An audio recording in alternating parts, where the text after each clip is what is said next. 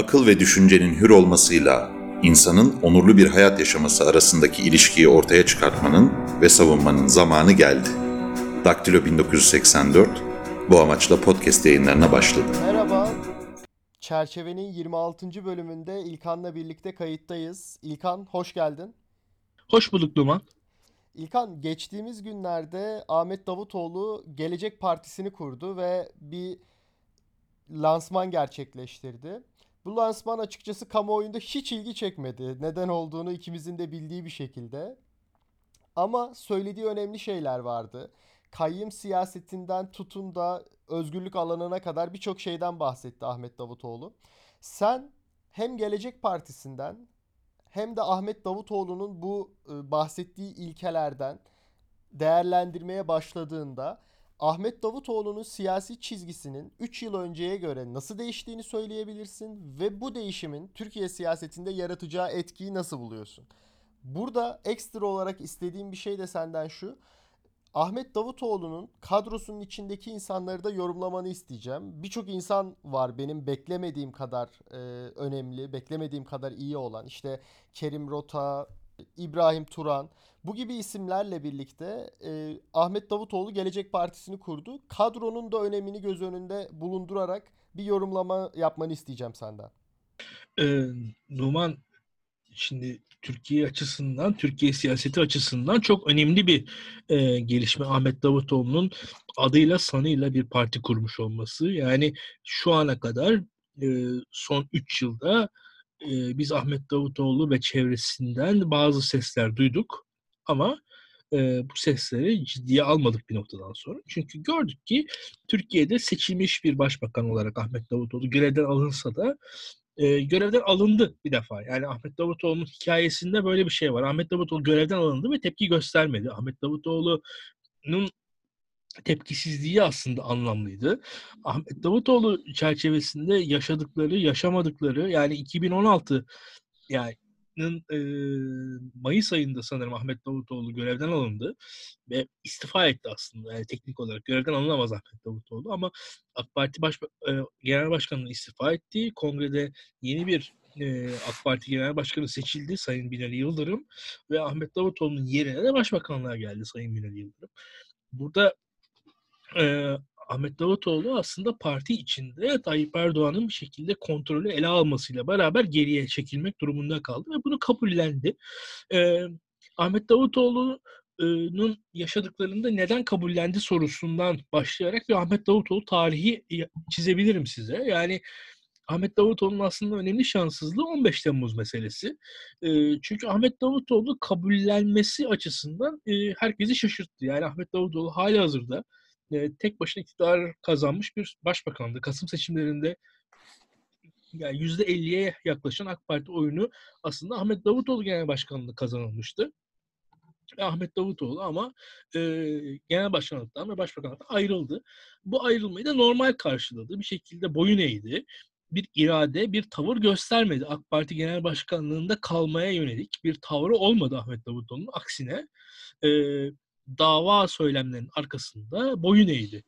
E, herkesin e, bilmediği bir şeydir. Bunu kendi adıma, e, kendi ilişkilerim çerçevesinde biliyorum. Ahmet Davutoğlu kendi çevresine geri döneceğine dair bir inancını belirtmişti Numan. Bu biraz pek söylenmeyen bir şeydir. Ve Ahmet Davutoğlu aslında e, genel başkanlık görevine bir şekilde geri çağrılacağına inanıyordu. Yani Tayyip Erdoğan'ın bu e, başbakanlık e, makamına makamını yok edecek sürece girmesindense e, bir şekilde Ahmet Davutoğlu'na tekrar ihtiyaç duyacağını, Ahmet Davutoğlu ile ittifak yaparak AK Parti yönetiminin tekrar e, bir Tayyip Erdoğan Davutoğlu e, dualitesi üzerinden kurulacağına inanıyordu. Ancak e, dünya e, tabii insanların yaptığı planlara uygun şekilde dönmüyor. 15 Temmuz kalkışması, darbe teşebbüsü arkasından Ahmet Davutoğlu'nun geri dönüş hayalleri de tam anlamıyla yok oldu. Yani Ahmet Davutoğlu çevresindeki insanları aman bir yere ayrılmayın, partiden istifa etmeyin, biz geri döneceğiz falan. Çünkü Ahmet Davutoğlu'nun görevden alınış hikayesi Ahmet Davutoğlu'nun yakın kimi kişilerde bir hayal kırıklığı yaratmıştı ve istifa edecekti o insanlar Mayıs ayından sonraki sonraki süreçte. Ahmet Davutoğlu o insan istifalarını dahi durdurttu Numan. Yani ilginç bir şeydir. Arkasından tabii 15 Temmuz geldi. 15 Temmuz'un gelmesiyle beraber AK Parti'nin e, iktidarı, Tayyip Erdoğan'ın otoritesi artık bambaşka bir seviyeye yükseldi. Ahmet Davutoğlu'nun dönüşü ufuğun ucunda bile gözükmemeye başladı ki en iyimser insanlar tarafından bile herkes o gerçeği gördü ve Ahmet Davutoğlu aslında e, e, yani şöyle söyleyeyim başbakanlık görevinden alınmaya çalışıldığı anda tavır gösterseydi, mücadele etseydi ve ilk başta anında hatta görevden alındı, alındıktan sonra da ayrılsaydı çok ciddi bir tepki oluşturabilecekken bunu yapmadı ve yapmama sebebi buydu. Yani bir şekilde ben burada kalırım, burada bana şans tekrar gelir, AK Parti'de bana şans tekrar gelir diye düşünüyordu. Ee, tabii hayat öyle gelişmedi. Ee, Ahmet Davutoğlu burada kaçırdığı fırsatın arkasından kendisine bir çıkış yolu aradı. Ee, AK Parti nin yönetim tarzı ve tavrı aslında tavrı ise bunun tam tersine gelişti. Yani pelikancılar denilen yapı aslında AK Parti'nin için bir istisna değildi. Ahmet Davutoğlu istisnaymış gibi davranmaya çalışsa da zaman içerisinde pelikancılık ve pelikancılar tarzı siyasetin kural olduğu net bir şekilde herkes tarafından kabul edilmek durumunda kaldı. Ve Ahmet Davutoğlu da e, kendi çevresinde bir siyasal hareketi zaman içerisinde oluşturma kararı aldı. Tabii geç kalınmış bir karar. Tabii ki e, vakti biraz geç, gecikmiş bir karar. E, bundan 3 yıl öncesinde bu harekete geçilmiş olsaydı henüz iktidarı çok daha tazeydi, ilişkileri çok daha tazeydi, bağlantıları çok daha tazeydi. Gerek yurt içinde, gerek yurt dışında, gerek sermaye çevrelerinde, gerek e, işte dindar İslam İslami çevrelerde, e, hatta milliyetçi çevrelerde Ahmet Davutoğlu'nun çok daha fazla bağlantısı vardı. Lakin Ahmet Davutoğlu bütün bunları kaybetti denilebilir. Yani bütün bunların önemli kısmını kaybetti. Hatta Türkiye'nin de e, özellikle Rusya eksenine girmesiyle beraber Ahmet Davutoğlu'nun ve Ahmet Davutoğlu ittifak yapabilecek güçlerin de Türkiye'de etkisi azaldı denilebilir. Ve Ahmet Davutoğlu tüm bunların sonunda e, kendisi artık AK Parti'den ayrılmak durumunda kaldı. E, bu süreci tetikleyen şeyler nelerdir diye düşünürsek ilk başta tabii ki e, bence e, İstanbul seçimleri ve İstanbul seçimlerinde AK Parti'nin aldığı e, ciddi yenilgi, bu seçim tekrarı ve seçim tekrarı üzerine Ahmet Davutoğlu'nun uzun zaman sonra AK Parti'yi açıktan aldığı ilk net tavır e, bence önemli e, önemli kaşa taşlarıydı bu süreçteki. Ahmet Davutoğlu burada e, bu yeni parti kurulma sürecinde hızlı davrandı, aktif davrandı. Çünkü Ahmet Davutoğlu'nun Babacan e, ekibinden farklı olarak aslında e, kendisine dair bir hikayesi vardı. Burada ben başbakanlıktan, hak ettiğim başbakanlıktan %50 ile seçim kazanmamın sonucunda kazandığım başbakanlıktan alındım. Bana haksızlık yapıldığı duygusuyla Ahmet Davutoğlu hareket ediyordu. Ve Ahmet Davutoğlu'nun ekibi de dikkatli gözlerle bakılırsa senin bahsettiğin tek tek ele alınması gereken nispeten daha yıldız sayılabilecek isimler hariç daha daha ziyade AK Partili kitleden oluşuyor. Yani Ahmet Davutoğlu'nun e, ben kadrosuna baktığım zaman AK Partili bir kadro görüyorum. Yani hakiki öz AK Parti biziz iddiasını içeren bir kadro Ahmet Davutoğlu'nun kadrosu diye düşünüyorum ilk başta.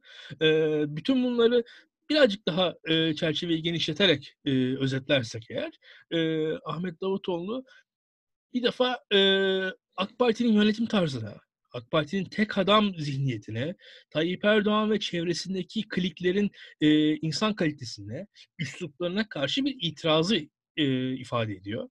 Ahmet Davutoğlu'nun e, itirazının e, varacağı, varacağı yerler konusunda ise şüpheliyim. Yani bana tam olarak e, Ahmet Davutoğlu'nun itirazı yeterli gelmiyor. Bunu istersen senin sorunla daha fazla açabilirim.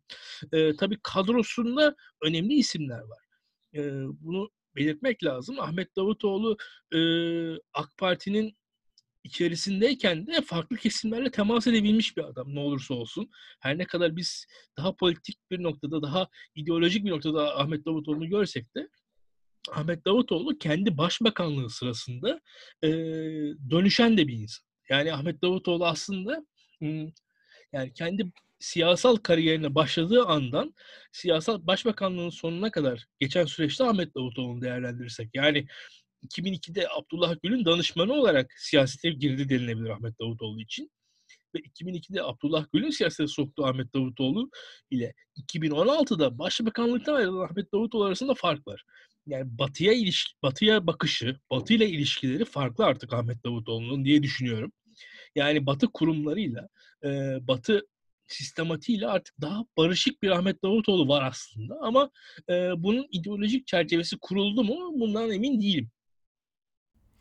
İlkan benim burada e, merak ettiğim bir konu da şu. İki tane ayrı partiden bahsediyoruz. İki tane ayrı partinin kurucuları birlikte e, ülkeyi yönetmiş insanlar. Yani hem Ahmet Davutoğlu hem Ali Babacan, az önce bahsettiğin Abdullah Gül. E, bu isimler hepsi birlikte bir ülke yönetimi gerçekleştirdiler. Buradan e, iki meseleye bağlamak istiyorum. Birincisi şu.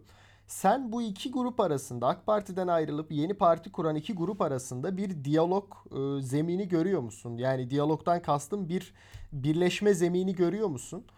Bir ikinci husussa Türkiye bugün bu hale gelmedi.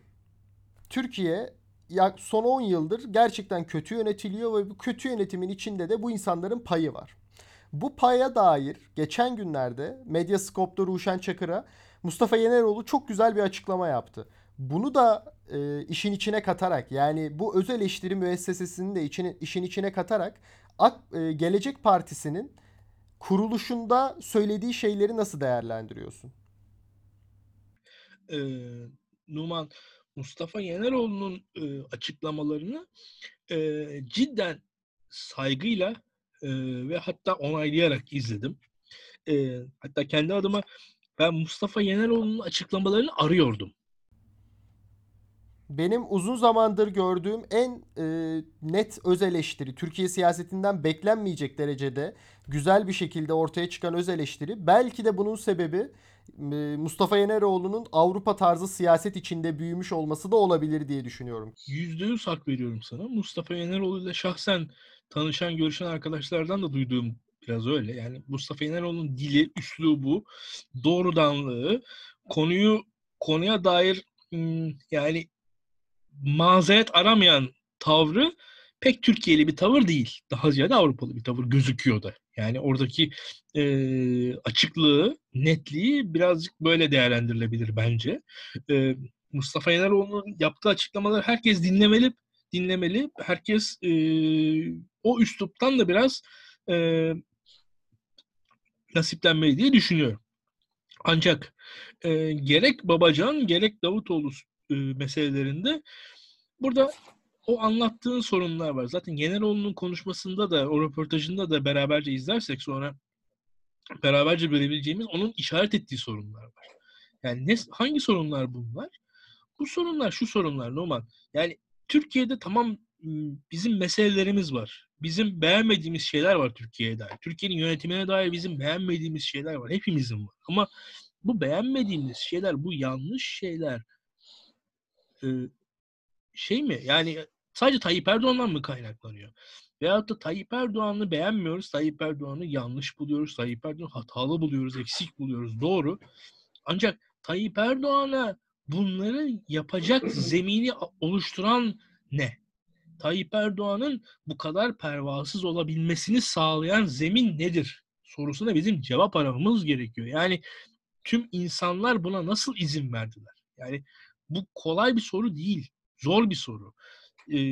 Çünkü bir günah keçisi bulup sorunları, hataları o günah keçisine yükleyip bundan kurtulmak çok kolaydır. Ancak eğri oturalım, doğru konuşalım. Tayyip Erdoğan başka bir ülkede, başka bir coğrafyada aynı güçle iktidara gelse bu kadar e, başarılı olabilir miydi? Bu kadar e, kendi başına at oynatabilir miydi?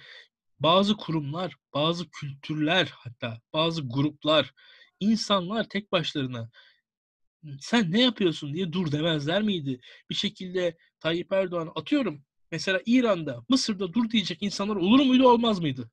Devam edelim. Tayyip Erdoğan'a Fransa'da, Ukrayna'da, Rusya'da, Çin'de dur diyecek insanlar olur muydu olmaz mıydı? Çünkü insani zaaflar herkese dairdir. İnsani zaaflardan Türkler, Rumlar, Ruslar, Yahudiler, Amerikalılar, Afrikalılar, Hintliler azade değil. e, bizim burada insani zaaflar tabii ki insani zaaflar suç bireyseldir. Hani hatalar bireyseldir. Bu bireysel olarak değerlendirilir. Siyasetten yargılanır. Bu ayrı bir şeydir. Ancak mesele şu buradaki habitatı, buradaki yaşam alanını, buradaki bu coğrafyanın ne doğurduğunu bizim düşünmemiz, sorgulamamız gerekiyor. Hangi zihin yapısı nelere nelerle neler ortaya çıkartıyor? Yani e, bakın bazı sistemlerde, bazı ortamlarda siz oraya meleği götürseniz ya, cumhurbaşkanı yapsanız belki diktatör olur. İnsani değerlerden ibaret değil birçok şey. Şimdi bunların da o Yeneroğlu tavrıyla ancak analiz edilebileceğini düşünüyorum. Şimdi Ahmet Davutoğlu'ndaki sıkıntıyı biraz orada görüyorum. Nedir bu? Ahmet Davutoğlu ideolojik olarak kendisinde bir e, sorun, yanlışlık, eksiklik, hata gördüğünü düşünmüyorum Ahmet Davutoğlu'nun. Hatta Ahmet Davutoğlu çok bilgili bir insan, iyi eğitimli bir insan. Ahmet Davutoğlu kendisini seven, kendisine inanan bir insan. Birazcık da bundan dolayı Ahmet Davutoğlu hatayı daha ziyade insanlarda aradığını ve Tayyip Erdoğan'da bulduğunu düşünüyorum. Bu bana yeterli gelmiyor. Bana Ahmet Davutoğlu'nun itirazına hak vermeme rağmen, Ahmet Davutoğlu itirazlarında haklı olmasına rağmen buna bulduğu çözümlerde bana yeterli e, e, doğrulukta gelmiyor. Ahmet Davutoğlu doğru şeylere itiraz ediyor. O itirazlar doğru. Ancak bu itirazlardan ibaret değil Türkiye'nin e, siyaseti, Türkiye'nin e, sıkıntıları diye düşünüyorum. Yeneroğlu'ndaki Yeneroğlu'ndaki tavrın tavra ihtiyacımız var diye düşünüyorum. Yine buna eklersek ve Yeneroğlu gibi insanların samimi tavırları çünkü e, bize gerekli şundan dolayı gerekli e, hiçbir toplumsal kesimi e, baştan aşağıya e, lanetlemeye, yaftalamaya da gerek yok. Türkiye'nin tamamının bunda payı var. Yani e, sonuçta bir nefret iklimi varsa kimsenin bundan azade olduğunu düşünmüyorum. Mesele birbirimizi e, işte suçlamak falan da değil. Beraberce Türkiye'ye dair bir çözüm bulmak diye düşünüyorum ve burada da e, bir yerde hareket edilecekse Yeneroğlu'nun tavrından hareket edilmesini daha anlamlı buluyorum. Ha burada şunu da söyleyeyim. Ahmet Davutoğlu'nun partisi benim açımdan e, kurucular kurulu itibariyle ve söylediği sözler itibariyle fena değil. Yani e, Kürt meselesine dair biraz bir tavır alıyor. E, Alevi meselesindeki tavrı yeterli olmasa da var. En azından öyle bir mesele olduğunun farkında. Buna karşın e, kurucular kurulunda bazı çok olumlu isimler var. Ekonomi kurmaylarının birçoklarının orada olması, e, saygın isimlerin, kaliteli isimlerin orada olması ümit verici. Yani Ahmet Davutoğlu'nun oralarda biraz e, e, hakkını vermek lazım. Ancak bazı isimler de bana şüpheli geliyor. Öyle söyleyeyim. Orada orada da Ahmet Davutoğlu'nun ım, kendi egosunun neticesi olduğunu düşünüyorum. Şimdi o isimleri vermeyeyim ama e, o ismin orada oluşu da Ahmet Davutoğlu'nun birazcık da e, nasıl bir şekilde e, övgüden etkilendiğini gösteriyor bana. Bunu da ileride söyleyebilirim herhalde. E, uzun konular bunlar. Soruna dönersem, sorunu da cevapsız bırakmayayım. Babacan hareketiyle Davutoğlu hareketinin şu aşamada birleşmesinin mümkün olduğunu düşünmüyorum. Bu, bu hareketler e, orta vadede de bence birleşmeyeceklerdir. Ancak şu uzun vadede bu hareketlerin e, bir potada eriyeceğini düşünüyorum. Hangi potada eriyeceğini bilmiyorum ama. Öyle söyleyeyim. Çünkü Ahmet Davutoğlu ile Ahmet Davutoğlu ile Abdullah Gül arasında da şahsi bir mesele var. Ve Ahmet Davutoğlu ile Abdullah Gül arasındaki şahsi mesele az önce söylemiştim. Abdullah Gül açısından Ahmet Davutoğlu Abdullah Gül'ün elinden tutup siyasete soktuğu bir adam.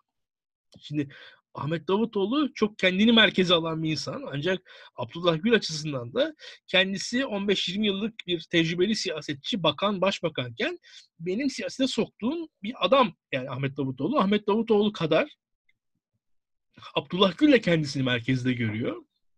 Ve Abdullah Gül içinde Ahmet Davutoğlu e, Abdullah Gül'ün Cumhurbaşkanlığının ardından AK Parti Genel Başkanlığına ve Başbakanlığa geri dönüşünü engelleyen yani 2014'te e, herkes Tayyip Erdoğan'ın Cumhurbaşkanlığı başlarken Ahmet, Abdullah Gül'ün aslında yani AK Parti'nin klasik ikinci adamı ve AK Parti'nin ilk başbakanı Abdullah Gül'ün tekrardan başbakanlığa geri döneceğini düşünüyordu. E, doğal olan, normal olan, o zamanki AK Parti kadrolarının istediği, beklediği, arzu ettiği şey Abdullah Gül'ün AK Parti Genel Başkanı olmasıydı. Ancak Tayyip Erdoğan Abdullah Gül'ün e, Abdullah Gül gibi güçlü bir şahsiyetin AK Parti Genel Başkanı olmasını istemedi. O, Abdullah Gül'ün AK Parti Genel Başkanı olmasından e, o, hoşlanmadı. AK Parti'yi Abdullah Gül'ün eline bırakmak istemedi. Bu yüzden Ahmet Davutoğlu'nu tercih etti. E, ve bu e, bu, bu çerçevede AK Parti Kongresi hatta e, Sayın Cumhurbaşkanı Cumhurbaşkanı iken Tayyip Erdoğan AK Parti Genel Başkanı'ndan Cumhurbaşkanı seçilmişken istifa etti. Ve Abdullah Gül e, Cumhurbaşkanı iken AK Parti hızlıca bir kongre yaptı. Bir gün önce gibi bir olay vardı orada. Böyle bir gün arayla bir şey yaptılar. Abdullah Gül hala Cumhurbaşkanıydı. Ahmet Davutoğlu Başbakan oldu. Parti Genel Başkanı oldu. O yüzden e, bir hani şey de olmadı. Yasal olarak Ahmet Davutoğlu'nun karşısına dahi çıkamadı Abdullah Gül. Hala Cumhurbaşkanı olduğu için. Ha şu olabilirdi. Abdullah Gül açıktan karşı çıkabilirdi. Cumhurbaşkanlığından Cumhurbaşkanlığı görevinin son iki gününden gününde istifa ederdi. AK Parti kongresi şu gün mü? Ben o gün o günden iki gün önce Cumhurbaşkanlığı istifa ediyorum derdi. Dilekçesini, istifa dilekçesini YSK'ya verirdi, Anayasa Mahkemesi'ne verirdi. Arkasından AK Parti kurucusu olduğu için zaten doğal delege olduğu AK Parti kongresine bir delege olarak girer. Genel başkanlığı adaylığını koyardı. Eski Cumhurbaşkanı, eski AK Parti Genel Başkanı, eski Başbakan olarak da AK Parti kongresi rahat rahat kazanırdı. Hiç kimse AK Parti, Abdullah Gül'e oy vermemezlik edemezdi orada. Ben burada tekrar şuna bağlamak istiyorum İlkan. Bu açık açık muhalefet dediğin şey. Bu açık açık muhalefet Türkiye'de özellikle sağ siyasette çok garip bir şekilde hiç göremediğimiz bir şey. İşte bu yenilikçiler, gelenekçiler olayında gördük. Şimdi yeni yeni görüyoruz ama e, benim burada hem Ahmet Davutoğlu'na hem de Ali Babacan'a karşı getirdiğim, daha doğrusu onlara karşı mesafeli olmamın en temel sebeplerinden bir tanesi şu. Türkiye'nin meselelerinden bahsettin sen az önce. Türkiye'nin meseleleri nedir? Türkiye'nin ekonomi meselesidir. Türkiye'nin dış politika meselesidir. Türkiye'nin uluslararası alanda bulunduğu durum meselesidir. Mesela bunlarda Ahmet Davutoğlu ve Ali Babacan en temel iki faktör. Biz şimdi bugün Mustafa Yeneroğlu'nu e, yaptığı eleştiriden dolayı çok olumlu bir şekilde değerlendiriyoruz ama Mustafa Yeneroğlu bu figürler içerisinde en önemsiz, en etkisiz de figürlerden bir tanesiydi. Çünkü sadece bir milletvekilliği vardı Mustafa Yeneroğlu'nun. Ama bu diğer iki isimden işte Ahmet Davutoğlu'ndan ya da Ali Babacan'dan bahsedecek olursak en büyük sıkıntıları mesela Türkiye'deki demokratikleşme. Şu an Türkiye'nin yaşadığı demokrasi sorunu. Tamam Türkiye'nin çok ciddi bir demokrasi sorunu var. Ama bu demokrasi sorunu dün başlamadı. Ya da sadece son 6 aydır yok bu demokrasi sorunu. Türkiye'nin demokrasi sorunu Gezi'den beri var. Belki daha öncesinden beri var. Bu zamanlarda hiçbir şekilde bir söz söylemeyip ki Ahmet Davutoğlu'nun mesela e, Cumhurbaşkanlığı değişimi, Cumhurbaşkanlığı sistemine geçilen referandumda e, kürsüye çıkıp evet dememesi gibi bir durumda var. Bunu bir hocam yazmıştı. Ondan alıntılıyorum şu an. Mesela burada herkes şey bekliyor. Yani biz e, Türkiye siyasetini izleyen insanlar olarak bunu kendimiz yorumlamalıyız. Hayır biz bunu kendimiz yorumlamak zorunda değiliz. Bize muhalefet yapmak isteyen biri çıkıp ne söylemek istediğini anlatmak zorunda.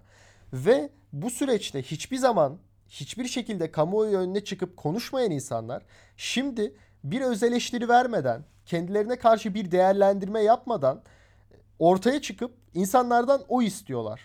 Ben bunu anlayamıyorum açıkçası. İki yorum yapabilirim Numan. Birincisi e, ima güçsüzün dilidir. İma ettikçe güçsüz kalacaklar. Güçsüz oldukları için ima ediyorlar. Yani bir defa o. Bir diğeri şu, toplumun anlamasını bekliyor onları. Onları anlayacak bir toplum var mı emin değilim. Şundan dolayı emin değilim. Recep Tayyip Erdoğan mesela AK Parti iktidarının ilk yıllarında türban başörtüsü meselesi konusunda tavır almazken AK Parti tabanı Tayyip Erdoğan neden tavır almadığını biliyordu, anlıyordu. Şu an e, AK Parti tabanı Tayyip Erdoğan'ın kimi laflarını biliyordu, anlıyordu ve onu mesele etmiyordu çünkü güveniyordu Tayyip Erdoğan. Böyle bir ilişkiyi kurmuş değil bu insanlar tabanlarıyla bence. Tabanlarıyla anlatabiliyor zımni ilişkiler kurabilen sağcılar, sağcı liderler vardır. Bu zımni ilişkiyle nedir bu? İşte askeri vesayet var. Bundan dolayı böyle yapıyoruz. Ve hatta şu an Avrupa Birliği güçlü o yüzden bunu yapıyoruz. Yoksa biz atıyorum zina yasası. Ben ben zina yasasına karşıyım ama Avrupa Birliği konusunda şey olduğum için zinayı suç olmaktan çıkartıyorum. Hani taban bunu anlıyor bir şekilde. Çok mesele etmiyor. Ancak e, bu konularda açıklık, netlik gerekli. Yüzde yüz haklısın. Yani e, tabanın anlamasını beklemek tabandan haksızlık olur. Tabana haksızlık olur. E, burada tavırı tavrın net olması gerekiyor. Siyaset söz söyleme işidir. Bir şekilde tavır alma işidir. Bir şekilde muhalefet edebilme işidir. Ayrılma işidir. Sonuçta birlik olmama işidir.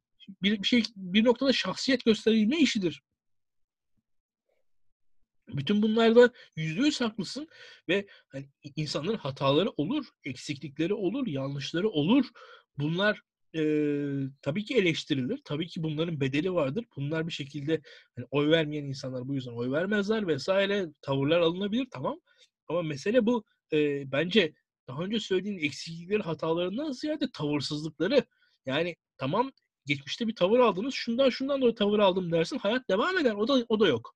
Yani e, sırf geçmişteki hatalarından bahsetmiyorum. Benim için zaten geçmiş geçmiş yapabileceği bir, bir şey yok. Ancak bugün için anlamlı olan şey bugün tavır almaları. E, o konuda yani Generoğlu'nun tavrını bu yüzden önemsiyorum. Bugün bir tavır alıyor Generoğlu. Bir, e, bir en azından söz söylüyor. Söz söyleyen insana saygım var. E, ve o söze saygım var benim kendi adıma. Çünkü insanların sözlerine saygı duymadıktan sonra bizim siyaset konuşmamız anlamsız olur. E devam edeyim. E, siz söz söylemezseniz biz ne konuşacağız? Siyasetçilerin tamamına söylüyorum. Ben siyasetçilerin sözlerini ciddiye alarak konuşabilirim. Ben neyi yorumlayacağım? Benim işim insanların ruh hallerini, insanların psikolojilerini yorumlamak değil. Hiç kimsenin işi o değil. Vatandaşın işi o değil. Vatandaşın işi Ahmet Davutoğlu burada ne demek istemişti demek değil. Yahut da işte Ali Babacan'ın kafasındaki Türkiye'yi Türk hani tahayyül ederek Ali Babacan'ın Tayyip Erdoğan'a getirebileceği ilişki yani eleştirileri tahayyül ederek davranmak vatandaşın işi değil. Buralarda net olunması gerekiyor. Yüzde yüz haklısın. Ve neden net olunması gerekiyor? Yarın alınacak tavırlar da bu tavırlardan e, türeyecektir diye düşündüğüm için net olunması gerekiyor. Yarın benzer sorunlarda, benzer e, karakterde tavır alınmayacağına dair benim e, bir güvence arama e, hakkım var. Yüzde yüz haklısın. İlkan çok teşekkür ediyorum. Bu bölümün sonuna geldik. Ben teşekkür ederim Numan. Daktilo 1984'de destek olmak isterseniz bu yayını lütfen paylaşın ve daha çok insanın bizi dinlemesine sebep olun. Bizi dinlediğiniz için teşekkürler. Hoşça kalın. Hoşçakalın.